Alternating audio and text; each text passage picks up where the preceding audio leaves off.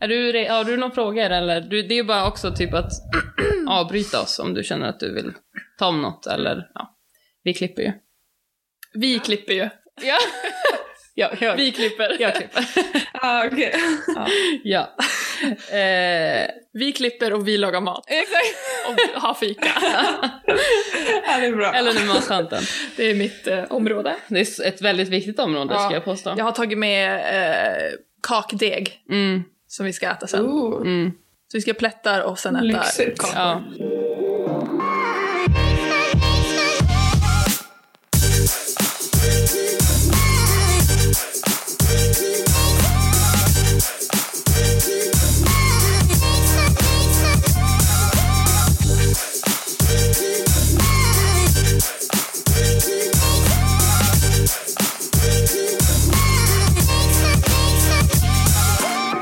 Jag heter Ellen.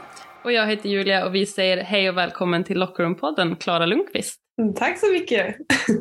Vi har ju spelat ihop i landslaget i några år nu och känner varandra ganska bra. Eh, Du är ju en av de främsta spelarna inom svensk basket eh, just nu och har varit ett bra tag. Och det ska bli så kul att prata med dig om dagens ämne som är proffslivet utomlands och hur det egentligen är. Inför det här avsnittet så bad vi folk skicka in lite frågor till dig på vår Instagram och vi har fått ett par stycken och vi tänker att vi väver in dem till dig eftersom vi pratar. Men innan vi börjar med det, kan väl du bara berätta lite grann om dig själv och vem du är?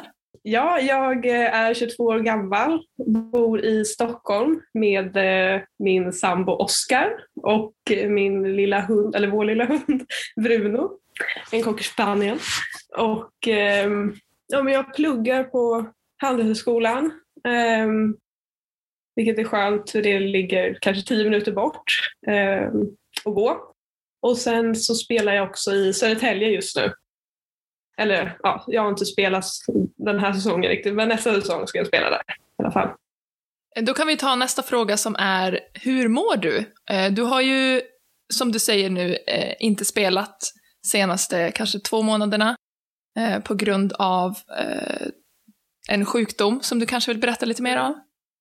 Eh, ja, precis. Eh, jag kom hem från Polen och eh, ja, men signade ganska direkt med Södertälje. Ehm, och ja, men jag kände väl att, och det kände jag i Polen också, att jag är väldigt trött liksom, och orkeslös typ, på träningar och matcher. Och, och så bestämde jag mig bara för att kolla upp det. Typ. Och ehm, ja, så visade det sig att eh, sköldkörteln inte fungerade riktigt. Ehm, ja, och då så sa de att eh, ja, men du ska inte träna och spela tills det här blir bra. Typ. Och så fick jag, har jag fått lite medicin och så som jag tar nu. Eh, så det känns ju skönt att ta tag i det så och sen kunna ja, men, bygga upp kroppen på ett bra sätt istället. För tydligen när man eh, har den här sjukdomen då, som heter Graves sjukdom så bryts kroppen ner bara och man kan inte bygga muskler eller kondition eller någonting. Så Eh, ja, och det är nog förklaringen till att jag var så himla trött. eh, men eh, det är ju skönt att ta tag i det för sen kommer det inte liksom, det kommer inte vara några problem att spela. Så det är ju skönt. Det är jätteskönt. Ja, jag tänker också skönt att eh, liksom få göra det på hemmaplan. Alltså att vara hemma Ja, gud, och ja. liksom eh, känna, ja, men, känna sig trygg i det. Och att Södertälje då tog det väldigt positivt. Att, men, in- inte att du skulle stressa Mm. tillbaka eller någonting. Utan att du får ta den tid som, som du ska ta liksom. För du har ändå, jag menar du har signat två år. Så det är ju kanske inte livsviktigt att du skulle spela just den här säsongen. Utan det är viktigare Nej, liksom, de andra åren och din framtid. jo exakt. Så det är ju det var skönt faktiskt att eh, jag, jag vet ärligt talat inte om jag ens hade fått hjälpen i Polen som jag behövde. Liksom. De hade ju säkert sagt typ att eh, ja, men spela på, det är inget farligt. Typ. Så på det sättet är det också skönt att vara hemma. Och det här är ju någonting som vi kommer eh, gå mer in på under det här avsnittet med det glorifierande proffslivet och vad det Ja. innebär att vara utomlands när sådana här saker händer. Men om vi går tillbaka några steg så du debuterade i SBL som 15-åring och ett år senare gjorde du din debut i seniorlandslaget. Eh, och du har ju alltid varit en väldigt eh, liksom, ung talang som det har pratats mycket om och eh, kanske satts mycket press på som ung. Eh, hur skulle du säga att det har varit att ha den här eh, liksom pressen från att vara en ung talang? Är det någonting du har känt av eller eh, är det någonting som bara kanske syns utifrån? Ja, alltså för det mesta har det väl varit roligt bara. Och, ja, men det märkt, eller många har ju liksom satsat på mig och att jag fick vara med i landslaget så pass tidigt har jag gjort eh, jättemycket. Och ja, men jag känner ju, även fast jag är bara 22 år så känns det ändå som jag har ganska mycket erfarenhet, i alla fall från ligan och typ landslaget nu. Um, vilket är ja, men positivt för min karriär och så. Um, sen eh, samtidigt som man har fått den uppmärksamheten så har det ju också varit ja, men mycket press och många som har haft eh, ja, men mycket att säga till om vart jag ska spela och ja, hur mycket det betyder för typ svensk basket att spela till exempel utomlands eller hemma. Typ. Um, så det, ja, men det har väl varit både positivt och lite negativt, men mest positivt såklart. men hur är det när man är så ung och liksom går in i ett seniorlag och tar så pass stor roll? Var det någonting som du funderade över eller gick du bara in och typ körde? Um, nej, jag, kom, jag, var nog ganska nervös första lägret kommer jag ihåg. uh, var uppe i Luleå. Så, uh, men det var, alltså alla var ju jättesnälla och sådär. Men det var, samtidigt var det väldigt alltså, tufft, liksom, en helt annan uh, ja, men, en helt annan miljö, en helt annan ja, men press. Liksom. Um, men det gick väl ändå hyfsat snabbt innan jag kom in i det, tror jag. För det är också så när man då eh, spelar i landslaget så går man ju från sina klubblag där man kanske har en specifik roll och så går man till landslaget mm. där man en dag senare ska spela någon helt annan roll. Eh, och det kan ju vara väldigt liksom påfrestande att man kanske får spela jättemycket i klubblaget och så kommer man till landslaget mm. och så är man helt plötsligt mm. tolfte spelaren. Eh, det, är ju, det är ju väldigt liksom, mentalt tufft men jag tror där är det viktigt att bara gå in med liksom inställningen att, att man går in i sin roll och liksom har den tydligt att så här, i klubblaget då har jag den här rollen att jag eh, kanske är den som spelar mest och ska producera mest medan i landslaget så kanske man är då som kanske jag har varit, att man kommer in med energi från bänken, kanske ibland inte ens får spela, men att eh, det, är lite, det är viktigt att se liksom hela bilden av det. Att inte bara fastna i att man är samma spelare oavsett var man spelar, utan det beror ju helt på eh, omständigheterna och laget. Vet man om att det är det som förväntas av en när man går mellan klubblag och landslag? Att rollen förändras och i så fall vad den förändras till? Kanske då om jag tänker från klubblag till landslag. Eller är det någonting ja. man får så klura ut själv och bara jaha, ja, nej jag är inte starting längre så Ja, då är det det här alltså, antar jag. Så bara, nej, det var inte olika. det heller, då fixar vi lite till. Ja, det kanske var här jag ska vara. Eller är det någon som faktiskt säger, det här ja. förväntas vi. Eller förväntas av dig. Men det beror väl jättepå, eh, mycket på alltså, coacher. Till exempel i somras var det ganska tydligt kan jag tycka. Eh, till skillnad från ja, men typ ungdomslandslag kanske har varit lite mer eh, luddigt.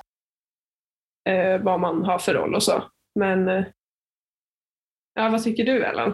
Jag håller med dig, jag tycker det var väldigt tydligt i, i somras och där tyckte jag också att vi eh, gjorde det tydligt att vi, eh, man vill ändå, man vill ju veta sin roll för att kunna prestera så bra man kan i den rollen. Ja, så, så mm. det, är ju, det är ju viktigt att veta och att ha den konversationen med coachen att eh, men om man inte vet sin roll så kan man ju alltid fråga, så här, var, var ser du mig vara i det här laget? Hur kan jag ta en plats i det här laget? Eh, liksom vad, vad fattas och vart kan jag fylla en roll i det här laget som är just nu? Eh, men sen, och jag tror som du säger att det har mycket att göra med, eh, med coachen och eh, kommunikationen mellan spelarna och coachen om just roller. Och i ungdomslandslaget så är det kanske lite annorlunda för att eh, man inte går lika mycket efter prestation som lag, utan mer att man vill utveckla mm. spelare. Och då kommer det kanske se lite ja, annorlunda ut, att man satsar på de man tror kommer vara liksom, framgångsrika i framtiden. Men du har ju lyckats som ung talang liksom, och det känns som att du är väldigt så här, du, du liksom bara går in och kör. Eh, och jag älskar det med liksom, mm. dig och det, ditt sätt att, att spela. Men det, eh, vi har pratat lite om att det är en väldigt, ganska tunn linje mellan att eh, träna hårt, men att Mm. också sätta enorm press på sig själv och ha liksom kanske prestationsångest om att så här, jag måste prestera. Och det är en ganska tunn linje mellan att träna oerhört hårt för det mål man vill nå och att kanske Mm. gå över till att det blir för mycket press på en själv som man sätter då Ja. på sig själv. Eh, hur har du känt att det har varit liksom att balansera på den eh, balansgången? Ja, jag hade nog mer problem med det eh, när jag var yngre, typ tonåring. Eh, för då tränade jag också ja, men hur mycket som helst. Eh, och eh, ja, men då var det väl så. Typ om man spelade en dålig match så blev man ju helt förtvivlad. Liksom. men eh, ja, alltså nu känner jag, nu tror jag inte jag har så, alltså nu är det väl mer också så här att om man har en stor roll i laget och spelar dåligt och man förlorar, då kan det ju vara väldigt tufft. Liksom. Eh, men det, jag känner inte att jag är lika prestationsinriktad nu på, mig, på mitt egna eh, spel. Eh, om det liksom om det går bra för laget ändå såklart. Eh, men eh, jo, men jag har haft en del problem med prestationsångest eh, ändå. Men eh, har jobbat på det och nu tycker jag att det är ganska bra. Det känns som en väldigt svår sak att manövrera när man är väldigt ung. Jag tänker att man, man har inte Ja. riktigt... Dels så kanske inte självinsikten finns där, men heller inte självdistansen till att se helheten i ett lag. Och att man Nej, inte, exakt. det hänger ju Mm. inte, även om man är en stor spelare så hänger det inte bara på en spelare. Men att, att hantera det och pressen och allt sånt när man är tonåring känns jätte, jättesvårt. Fick du någon hjälp i det när du var ung? Eller var du som själv i att försöka navigera det? Eh, Nej men eh, jag, när jag var eller yngre då var det väl mest, eh, alltså pratar man mest med sina föräldrar typ om det. Men, ja, men när jag var typ 18-19 tror jag så eh, tog jag kontakt med en idrottspsykolog eh, som jag har gått till ja, men sedan dess egentligen. Och eh, ja, men i början var det mer inriktat till ja, prestationsångest. Då. Och jag kände att efter att ha jobbat med honom i kanske ja, men en, två år eh, så ja, men kunde jag he- alltså vända på det ganska eh, på ett ganska bra sätt och ja, men har kommit över det ganska mycket tror jag. Märkte du någon skillnad i din prestation på planen när du fick hjälp med det mentala? Ja, eh, ja men absolut. Det, ja, men det som har hjälpt mest är väl att eh, typ kunna skilja på eh, ja, men typ tankar, känslor och beteenden. Liksom, att hålla isär de tre. Eh, för att det hänger ju inte ihop. Liksom. Man kan fortfarande prestera på ett sätt även fast man känner sig nervös eller trött eller ja, men vad som helst. Liksom. Um, så det har nog hjälpt mycket, att kunna typ försöka se på, se på en utifrån också. Eh, Försöka vara liksom, objektiv med ens prestation och typ ja, men, tänka att eh, ja, men, så här vill jag att mina beteenden ska se ut. Och det är faktiskt något man kan påverka hela tiden skulle jag säga. Vi har ju pratat med våran eh, assistant coach Malin, eh, som jobbar just med mental träning och gruppdynamik. Eh, och hon pratade mycket om att man, man blir liksom vad man tänker och att tankar är bara tankar. Det behöver liksom inte Exakt. utvinna i något annat, utan det, det är okej att tänka dåliga tankar om sig själv, men bara man vet om att men det är bara tankar och att man låter dem liksom gå bort sen. Mm, Verkligen. Och sen tycker jag också att det är, eh, jag tror många unga idag känner väldigt eh, stor press eller liksom prestationsångest som du pratar om, att man alltid ska prestera på topp. Eh, och om man tänker logiskt så är det ju väldigt orimligt att alltid prestera på topp. Mm. Och där tror jag att det är viktigt att man ser den långa resan och inte fokuserar på just om man gör en dålig match så är det liksom, då förknippar man den matchen med sin prestation och sig själv. Utan viktigare att se, se, men se den långa resan som du gör istället. Inte liksom träning för träning, match för match, utan eh, hur du har utvecklats långsiktigt och hur du då Mm, har växt genom dina misstag, för det är så man växer. Eh, som vi pratade med Janelle i Mm. första avsnittet, att hon är väldigt, hon vill liksom att sina spelare ska göra misstag för att det är då man växer. Eh, och det, så är det ju både på och utanför basketplanen. Misstag är eh, en del av livet och vad som gör att man blir bättre. Eh, och jag kommer ihåg från eh, ungdomslandslaget så hade jag Fredrik eh, Julamo som eh, coach. Och det jag kommer ihåg mest som han sa var att man ska ha kort minne. Och det tycker jag man kan Mm. applicera både på om man har gjort något bra eller något dåligt. Att liksom, kanske i en kvartsfinal, har man vunnit en match, okej, då får man liksom eh, tänka på det på kvällen. Sen kort minne, nästa match. Eh, har man gjort någonting, eh, har man gjort en dålig match, okej, kort minne, nästa match. Liksom. Eh, att man hela tiden, ja, men det är samma som om man skjuter ett skott och missar. Då är det ju ingenting man, man ska fokusera på nästa skott man tar, utan då, är det liksom, då har man redan raderat det från minnet. Jag tänker när man, om man är tränare, men kanske till viss del även förälder också, att man får påminna dem man har i sin umgivning, alltså de spelare man är nära att skilja på prestation, alltså att man är inte det man presterar. Men, Mm. och det känner jag verkligen. själv är jätte, jättesvårt, bara kopplat till så här, mitt vanliga jobb, att ehm, man har bättre och sämre dagar. Och det gör inte mig till en bättre och sämre person. Men det är så svårt. Och jag tror att man behöver nog påminnas om det ännu mer när man är ung och idrottare. Därför att prestationen är ju Ja. som så väldigt mycket mer akut. Och typ, med typ ungdomslandslaget att men få in lite mer typ mental träning. Som en, ja, vi har ju alltid haft liksom kostföreläsningar men man kanske ska ha mental träning, häl, alltså psykisk hälsa-föreläsningar också. Det är ju jätteviktigt. Ja, det håller jag 100% med om. Och det är ju någonting som vi, vi har fått i, i damlandslaget nu på senaste åren. Eh, shoutout Kent. Eh, Ja, bästa. bästa. Eh, och som har hjälpt mig otroligt mycket. Eh, och han har Mm. verkligen varit en stöttepelare för alla i, i alla olika sammanhang. Det, kan ju, det behöver inte ens vara basketmässigt. Eh, men att ha någon där som man vet finns för en, lyssnar på en, eh, kan hjälpa en med hur man, hur man går tillväga i olika situationer för att liksom vara den bästa eh, basketspelaren och människan man kan vara.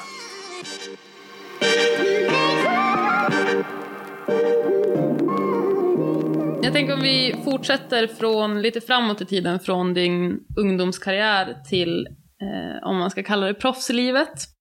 Eh, hur är det egentligen? Så hur går det till att gå från att spela på ungdomsnivå, nivå, ungdomslandslag, eh, kanske i SBL, som ju är Sveriges högsta liga, och sen liksom ge sig ut till andra länder?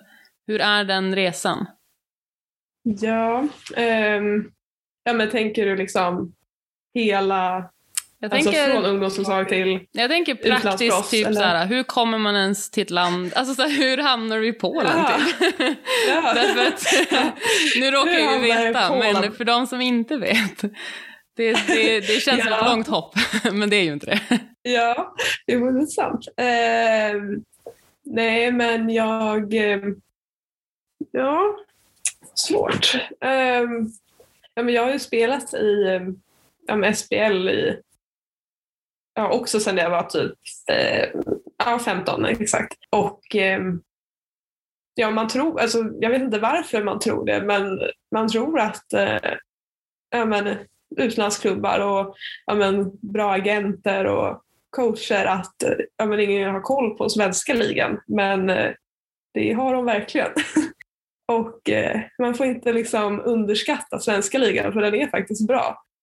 Eh, vilket jag kan tycka är väldigt tråkigt. Och, ja, men eh, ja, svenska ligan, svenska spelare som det har varit nu. Ja, men det som hände i Borås till exempel, det är, liksom, det är helt sjukt.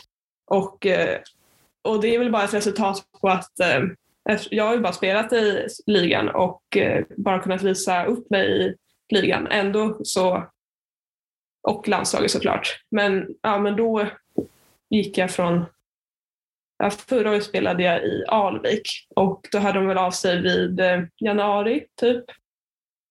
Och eh, ja, men sa att de var jätteintresserade av att eh, ha mig i Gdynia i Polen. Ehm, och att de hade jätte ja, men höga mål och hade- vunnit polska ligan tre år i rad tror jag, eller två år. Um, spelat Euroleague i två år.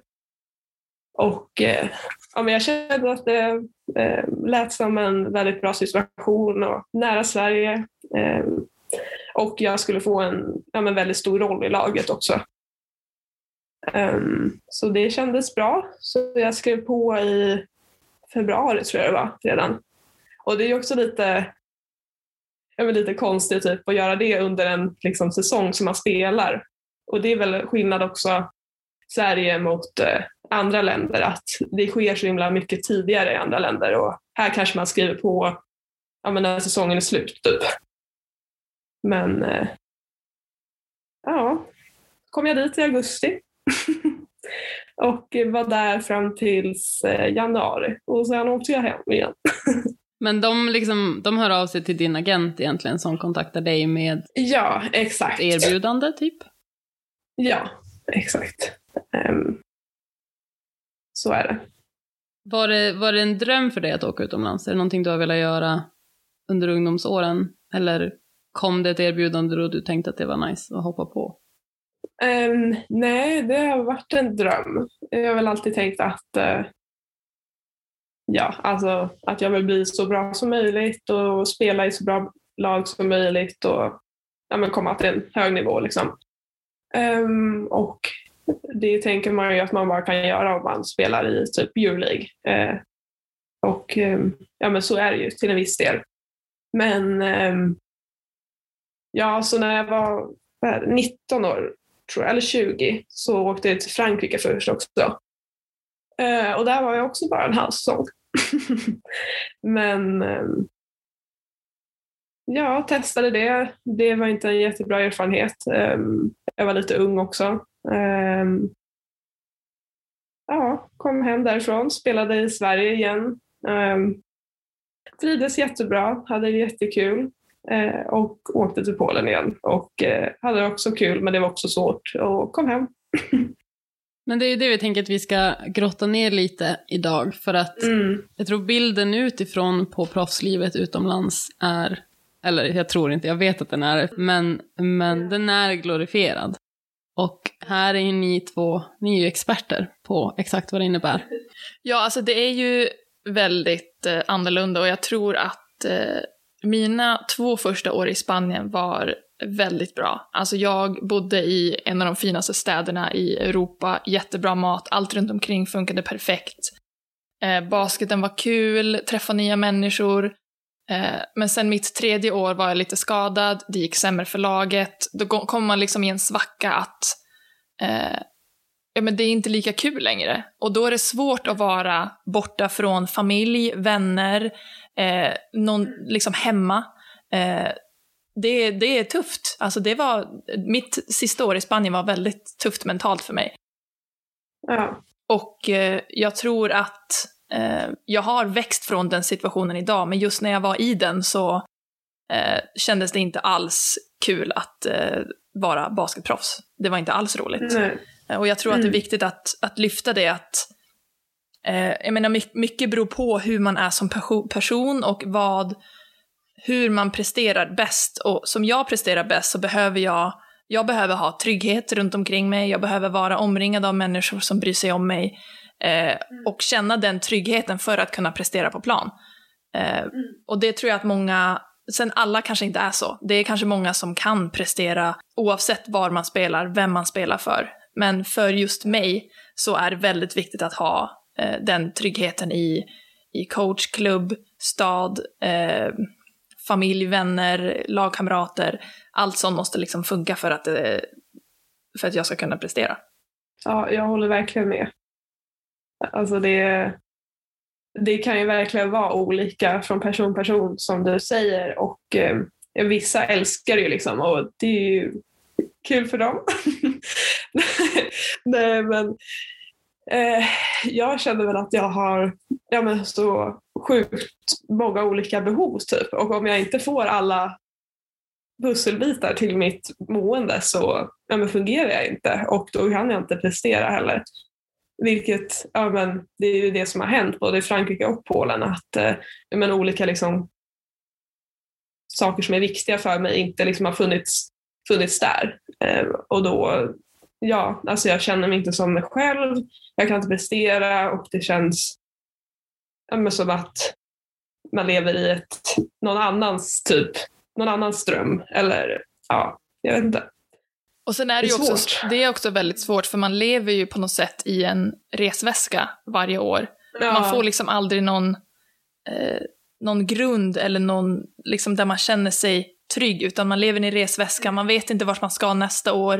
Eh, mm, och det blir ju också det här att, att då inte veta är väldigt svårt, för jag är en sån person som behöver ha liksom planerat, jag är strukturerad. Så om jag inte har det så är det svårt för mig att känna mig trygg och veta eh, och det, det har jag ändå blivit bättre på, att liksom kunna leva här och nu. Men det är Ja. svårt för mig att inte kunna kolla fram och se liksom att där kommer jag vara nästa år. Eller, eh, och det, jag menar, det är samma om man spelar i Sverige också, men då har man all, hela den här andra tryggheten samtidigt. ja, Och det är många klubbar i, i svenska ligan som står sig bra till europeiska klubbar. Kanske inte ekonomiskt, men på alla andra bitar. Eh, I där man har eh, menar, alla som jobbar i klubben och liksom hur det fungerar tycker jag är... Svenska klubbar är väldigt bra på det. Hur är det att ha drömmen att åka utomlands, komma dit och sen upptäcka att det inte är som man tror? Hur var det? väldigt tufft. Alltså samtidigt som det var otroligt häftigt liksom också att möta så otroligt bra spelare. Ehm, men eh, ja, alltså tråkigt på ett sätt att eh, ja, men inse att det kanske inte är för en själv riktigt. Ehm, för eh, alltså, jag, som pers- eller jag som spelare har ju fortfarande men, ambitioner att nå högsta nivån. Liksom. Ehm, och det är ju tråkigt att det ska vara så pass svårt för mig att göra, alltså, göra det utomlands. Um, vilket gör det ja, men, svårare än vad det behöver vara.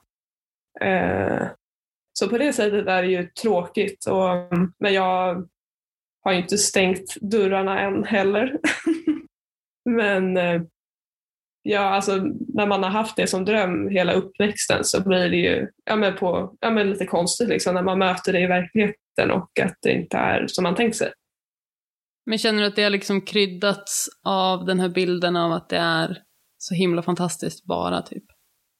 Förstår du vad jag menar? Att man, man ger sig in i någonting och så vet man kanske inte... Man tror att det ska vara fantastiskt Ja. och sen så kommer verkligheten och den är någon helt annan. Ja, jo men så är det ju.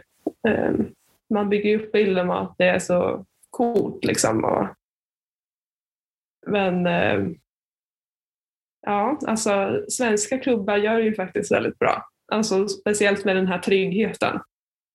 Och, eh, vilket kan saknas i vissa klubbar i Europa. Men nu har jag ju varit i två jättebra klubbar på det planet också, skulle jag säga. Ehm, men eh, ja, alltså jag tror något som man har missat är allt det här, ja, men det här med leva i en resväska och typ spela matcher hela tiden, resa i 24 timmar i en buss. Liksom, och, ja, det är mycket liksom, komponenter i hela proff, i proff, proffslivet som man inte ja, men får alltså, veta om kanske. Eller ja, ni förstår. Det är, mycket, det är mycket som det inte pratas om när man, när man pratar om att vara proffs utomlands. Det är ju att man, Mm. man är väldigt ensam. Eh, man kommer till ett nytt ställe där man inte känner någon. Man kommer dit helt ensam, känner ingen och ska förväntas prestera från dag ett. Eh, Mm. Och ofta så har de kanske inte jättemycket tålamod i, i många klubbar i Europa. Eh, så att om man inte presterar Nej, så då får Ja, åka det hem. handlar ju om liksom business på ett annat sätt där. Eh, Man måste ju prestera annars så får man ju inte vara kvar egentligen. Precis, och sen självklart så finns det ju otroligt bra saker också med att spela utomlands. Jag menar, jag har träffat Ja, några av mina bästa vänner eh, genom att spela eh, proffs utomlands. Eh, och träffa, träffa nya människor, nya kulturer, maten framför allt. Men då bodde du också i typ... Ja, verkligen. Alltså något kulinariskt eh, typ drömdistrikt med hur många... Michelin-staden. Ja, verkligen. Så jag vet inte om din, din matbild är... Det kanske inte är så Den är i, nog i alla städer. Ja, Men det, det är ju mycket, absolut jättemycket positivt och som sagt, eh, Ja. är man en person som är kanske väldigt eh, utåt och gillar att träffa nya människor hela tiden, upptäcka nya saker och, och mår bra i det, då är det ju perfekt att spela eh, utomlands. Ja, Men jag tror också man verkligen. måste ha den här eh, insikten i att eh, det kommer vara tufft. Eh, det kommer vara liksom dagar, veckor, månader då man kanske inte presterar bra och man inte mår så bra och är långt ifrån familj, långt ifrån sin trygghet. Eh, och hur man då tar sig igenom det så måste man ju vara eh, men ganska mentalt stark för att kunna ta sig igenom det. Och det är någonting som man kanske får växa i. Att går man igenom det så blir man ju starkare efteråt. Eh, Men det tar, det tar ju också på en. Jag tycker det låter som att det krävs en enorm mental styrka. Alltså även om du är hemma i Sverige med alla trygghetsfaktorer runt dig så känns det ändå som en enorm mental styrka att vara elitidrottare. Ehm, och jag tror att det är jättesvårt att förstå de uppoffringar som man behöver göra om man inte gör dem. Ehm, och då menar jag så här, jag förstår dem inte, det är inte så att jag sitter där och tror att jag gör det, utan bara, jag tror inte man fattar förrän man har testat.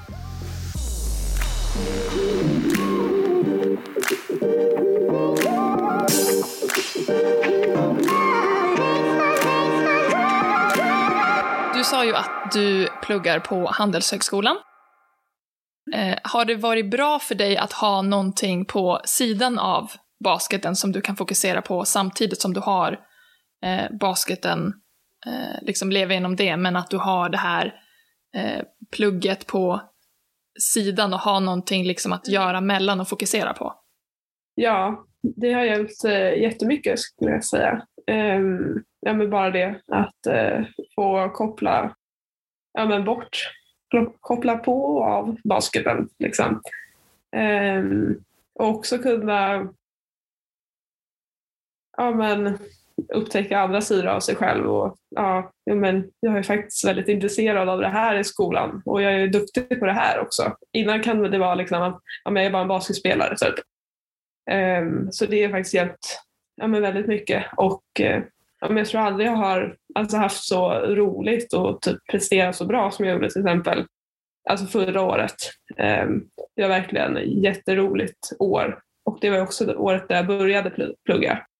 Ehm, så för mig har det varit jättebra. Ja, jag tror att det är bra att ha någonting eh, på sidan att fokusera på, för om jag går tillbaka till då jag spelade i, i Spanien så kan det vara svårt för att på något sätt så är man sin prestation eh, och man är hur man presterar för att det är det enda man går och tänker på för det är därför man är där. Man är där för att prestera, man är där för att spela basket. Så om det inte går bra så är det väldigt jobbigt för att det är liksom enda anledningen till att man är där, för att spela basket och prestera. Och ha, om man då har någonting på sidan eh, så tror jag det, som du säger, man kan koppla på och av basketen och fokusera på andra saker och kanske dämpa prestationsångest och, eh, och sådana saker genom att kunna koppla av och på basketen. Ja, så det önskar jag att jag hade ja, men, tänkt på kanske i Frankrike redan. Att eh, ha något annat vid sidan av. Så det kanske kan vara liksom ett tips typ, om man ja, men, provar att spela utomlands. Så tänka på att eh, det kan vara bra att göra något annat också. Vad skulle du säga är den bästa miljön för dig att vara i om du vill utvecklas? Vi- Vilka faktorer är liksom viktiga i, i att du ska ha din trygghet? Exakt. Ja, men ett bra ledarskap.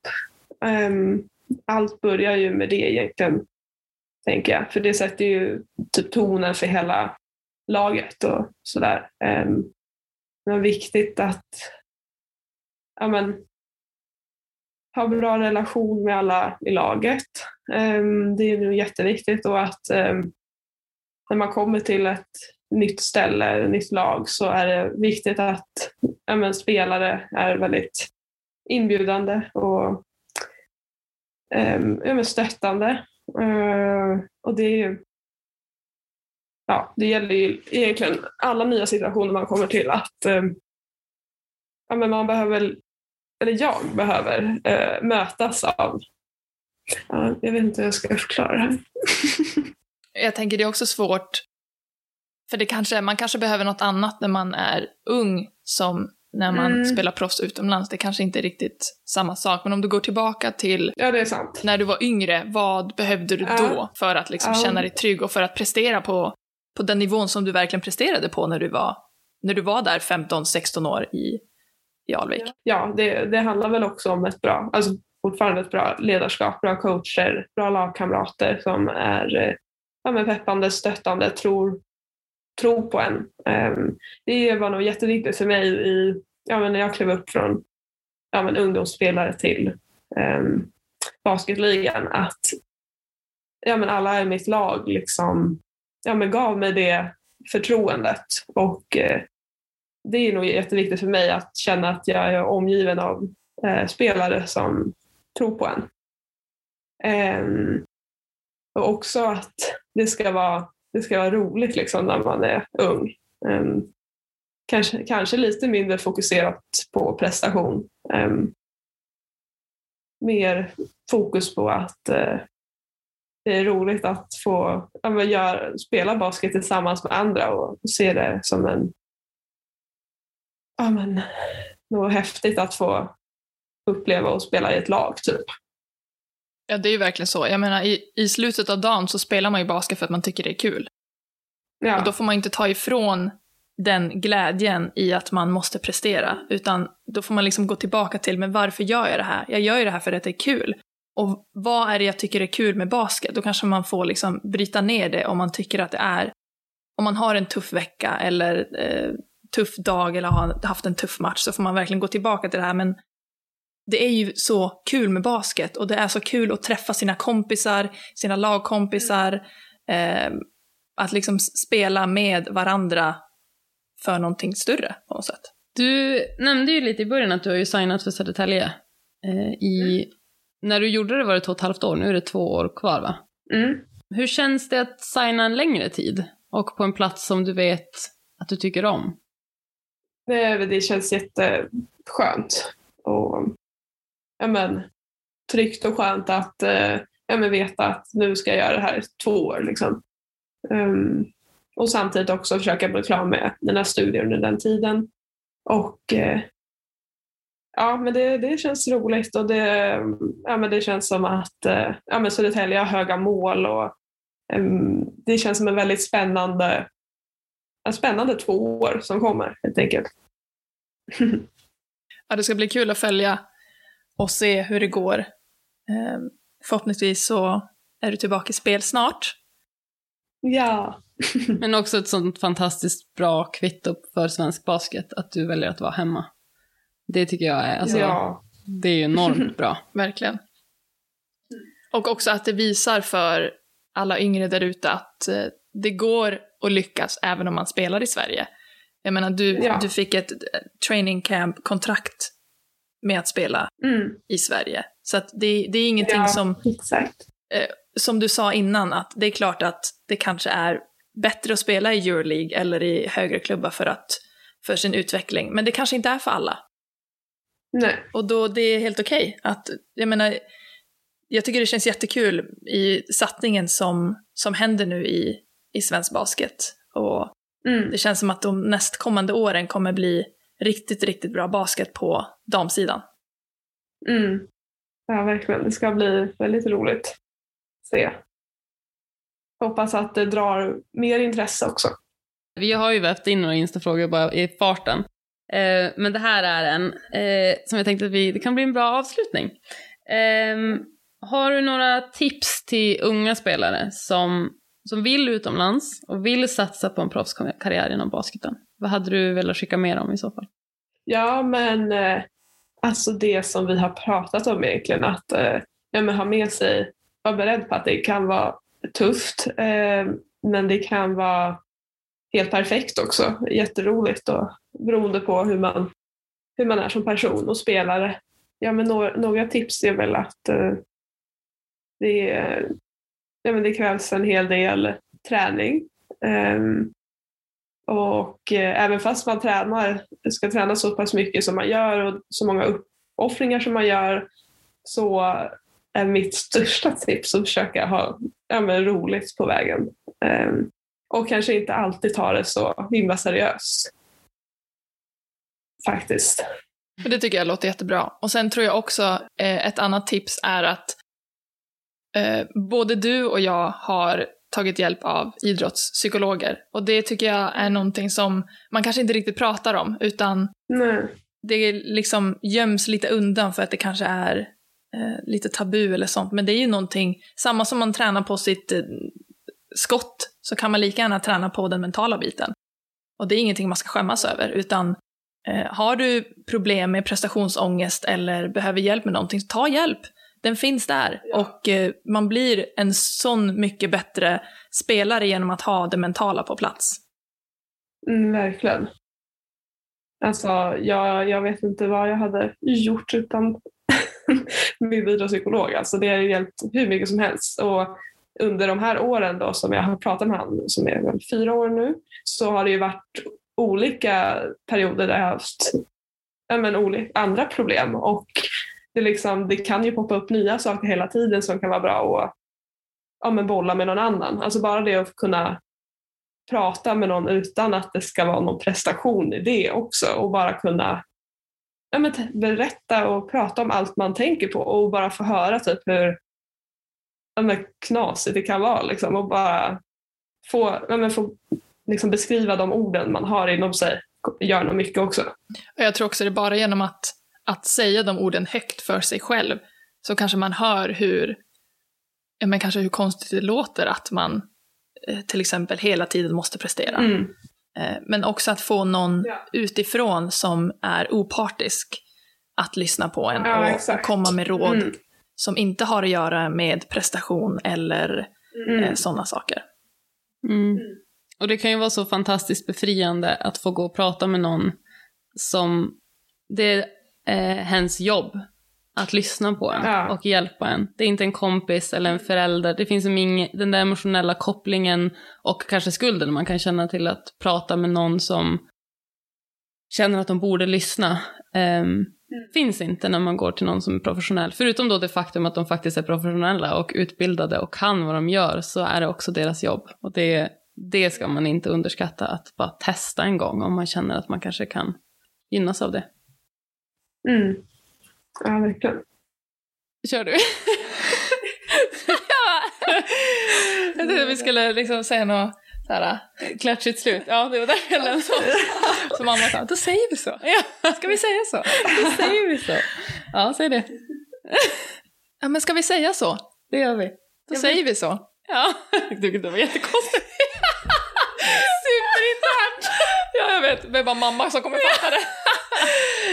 Ehm, Nej, men det har varit jätte, jättekul att få prata med dig, Klara. Tack så himla mycket för att du tog dig tiden. Mm, Tack själva. ja, tack så jättemycket.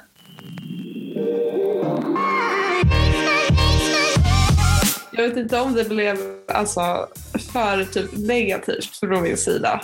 Nej, det tycker jag verkligen inte. Och jag tror också så här... um, Inte. Jag, Nej, jag, jag var nog mer negativ.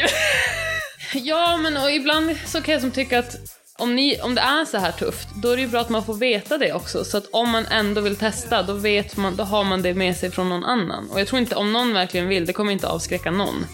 Ehm, men jag tror att det underlättar att veta att man inte själv jag tycker att det är tufft.